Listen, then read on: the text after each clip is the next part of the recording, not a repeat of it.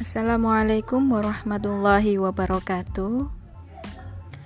Hai guys Perkenalkan saya Fitratul Nazilah dari Fakultas Tarbiyah Prodi Pendidikan Agama Islam Kampus IAIN Kediri. Saya di sini ditemani dengan sahabat saya sekaligus tetangga saya loh.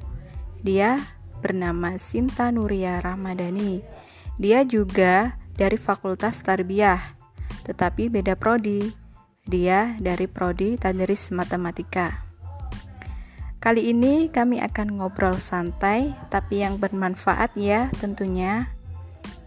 Nah, saya di sini akan berbagi tips agar hati tenang dalam Islam. Dan nantinya akan dikaitkan dengan filosofi ke matematika. Kita awali dalam hidup, setiap manusia pasti memiliki kesedihan dan masalahnya masing-masing.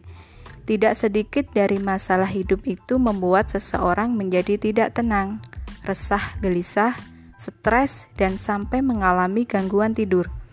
Nah, maka dari itu di dalam Islam sendiri diajarkan cara untuk bisa mendapatkan hati yang tenang dan tidak akan merasa tertekan atau gelisah pada saat melakukan sesuatu saya akan berbagi 6 tips. Yang pertama yaitu zikir. Yang berarti kita selalu mengingat Allah dalam setiap langkah yang kita lakukan. Entah di mana saja, dalam kondisi apa saja, berzikirlah. Yang kedua yaitu sholat. Sholat di sini yang dimaksud tidak hanya sholat wajib saja loh, melainkan sholat sunnah lainnya. Dengan sholat, kita bisa berkomunikasi langsung dengan Allah dan bisa menjauhkan dari hal yang keji dan mungkar.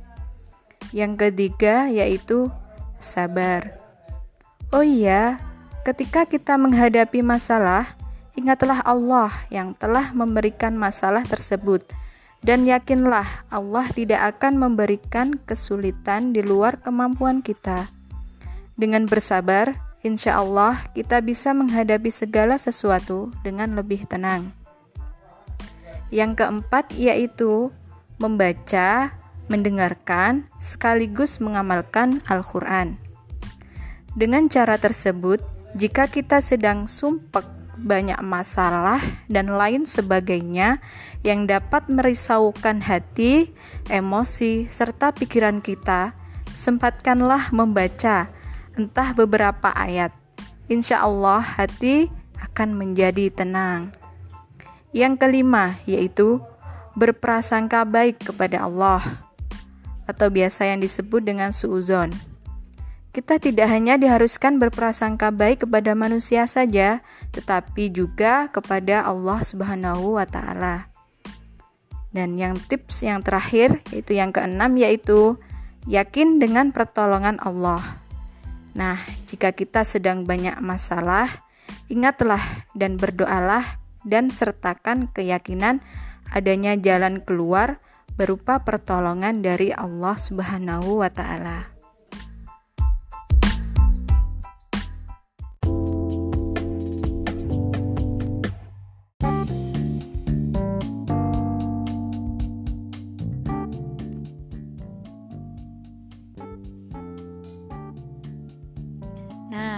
Tadi kan udah jelaskan nih sama teman saya yang versi satunya. Nah, sekarang kita coba sangkut pautkan dengan matematika. Tadi yang pertama ada dikir ya, tipsnya ya, tips agar hati tenang dalam Islam. Nah, dikir tadi adalah mengingat Allah dalam setiap langkah yang kita lakukan. Nah, dalam matematika kita pernah belajar persamaan garis lurus kan? Nah, yuk coba diingat-ingat lagi. Kita misalkan X itu keadaan kita dan Y adalah hubungan kita dengan Sang Pencipta yaitu Allah Subhanahu wa taala. Nah, di sana ada sebuah relasi. Relasinya adalah mengingat Allah. Nah, semakin kita sering berzikir, maka hubungan kita semakin dekat dengan Allah. Maka garis yang terbentuk dari hubungan kita dengan Allah tadi dia akan naik lurus ke atas. Jadi ada peningkatan. Setiap titiknya ada peningkatan. seperti itu. Yang kedua sholat. Sholat itu adalah bentuk komunikasi kita langsung dengan Allah tanpa perantara. Nah dengan sholat kita bisa menjauhkan diri dari hal yang keji dan mungkar. Itu hubungannya dengan logika berarti kalau kita rajin sholat ketika ada hal atau sesuatu yang perbuatan yang keji dan mungkar logika kita akan berkata oh ini perbuatan keji. Oh ini perbuatan mungkarnya. Jika seperti itu maka kita akan menjauhinya. Yang ketiga sabar. Banyak yang bilang nih matematika itu sulit, matematika itu rumit. Tetapi kalau kita sabar, telaten, pada akhirnya kita bisa menyelesaikan dengan benar. Jadi dengan belajar matematika kita bisa melatih kesabaran kita. Selanjutnya yaitu mengamalkan Al-Qur'an. Sama halnya dengan menggunakan rumus. Ketika kita ada permasalahan ya, dikasih soal, kita menggunakan rumus yang tepat. Misalnya ada sebuah permasalahan tentang pembagian zakat. Rumus apa yang digunakan? Nah, rumus rumus pecahan gitu kalau kita mengamal kalau kita mengamalkan ajaran Islam sesuai dengan Al-Qur'an, maka hidup kita juga akan tenang. Kalau kita tidak mengamalkan atau tidak sesuai dengan ajaran Islam, maka hidup kita akan bingung nih mau dikemanain hidup kita gitu. Selanjutnya yaitu berprasangka baik kepada Allah. Nah, ini nih. Jika hal positif kita tambahkan dengan hal yang positif, maka hasilnya akan tetap positif. Sama seperti tadi ketika kita berprasangka baik dan berprasangka baiknya itu kepada Allah nah maka hidup kita akan semakin berkah. Satu lagi nih tips dari aku hmm, berbuat baik pada semua orang. Hubungannya ini pasti kalian semua sudah pernah belajar tentang perkalian negatif dan positif kan nah ketika nilai positif dikalikan dengan nilai positif, maka hasilnya akan positif sama. Ketika kebaikan itu berada dalam waktu, tempat, dan orang-orang yang baik, maka hasilnya akan berlipat-lipat kebaikan. Begitu. Tetapi kalau hasil kalau nilainya positif dikalikan dengan negatif, hasilnya akan negatif, tapi tergantung diri kitanya sendiri nih. Kalau kita positif nih keba, keba, apa namanya nilai positifnya lebih besar dan nilai negatifnya lebih kecil maka kita akan memberikan dampak positif bagi sekeliling kita.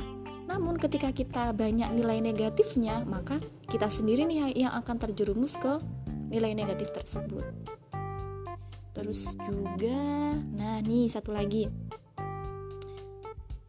mungkin teman-teman sering ya memberi atau memberi sedekah atau memberi infak kepada orang terdekat kita, tetangga-tetangga kita. Nah, ayo diingatkan lagi tujuannya apa? Tujuannya apakah untuk pamrih atau ikhlas karena Allah? Nah, di sini kita misalkan dengan angka 0 dan 1. Nah, angka 1 ini ya, angka 1 ini kalau kita sandingkan dengan angka 0, maka hasilnya akan banyak yaitu 10 ya. Tetapi kalau angka 1 ini di sebelumnya angka 1 ada angka 0 nah hasilnya kan ada 0,1 hasilnya kan akan sedikit. Begitu juga dengan kalau kita berbuat kebaikan. Kalau kita kebaikannya karena pamrih nah nilainya pasti 0,1 kan tidak banyak. Tapi kalau kita memberikan kebaikan dan diniatkan karena Allah nah maka nilainya akan 10 bernilai bertambah nilai kebaikannya seperti itu. Mungkin itu saja ya tips dari kita berdua terkait dengan uh, apa ya filosofi matematika dalam kehidupan ya kehidupan agar hati tenang dalam Islam. thank you